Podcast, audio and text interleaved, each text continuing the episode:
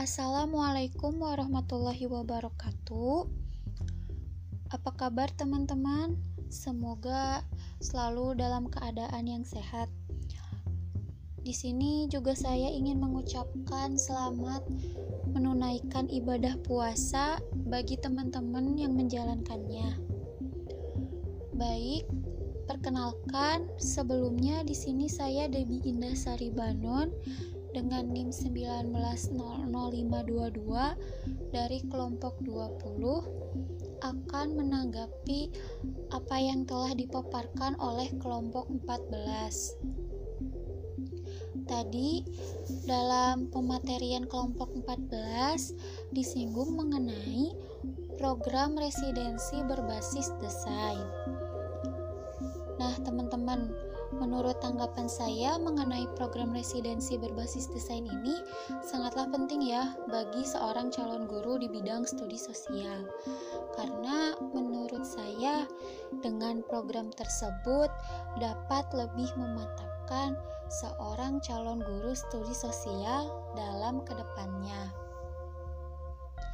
Dan juga teman-teman, karena jika saya simak dari pemateri tadi bahwa program residensi berbasis desain tersebut itu bertujuan untuk dapat lebih memahami makna yang terdapat dalam setiap disiplin ilmu studi sosial dalam bahasa akademik.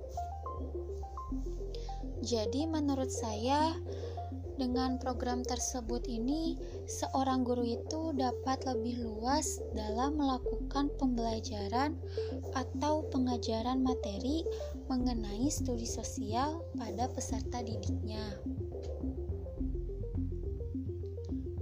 Nah, teman-teman, dan juga menurut saya dengan program tersebut itu dapat menciptakan seorang guru yang profesional dan juga apabila nantinya dalam kegiatan proses belajar mengajar peserta didik itu akan dapat mendapatkan kebutuhan yang memang ia butuhkan mengenai suatu materi dalam studi sosial tersebut.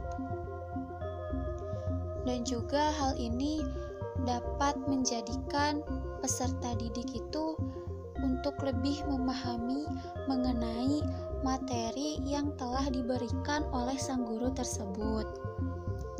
Selanjutnya mengenai komentar, menurut saya Salindia dari kelompok 14 itu bagus.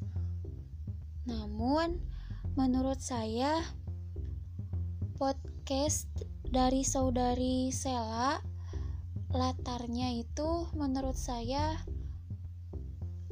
uh, sebagai pendengar mungkin agak kurang agak terganggu sedikit.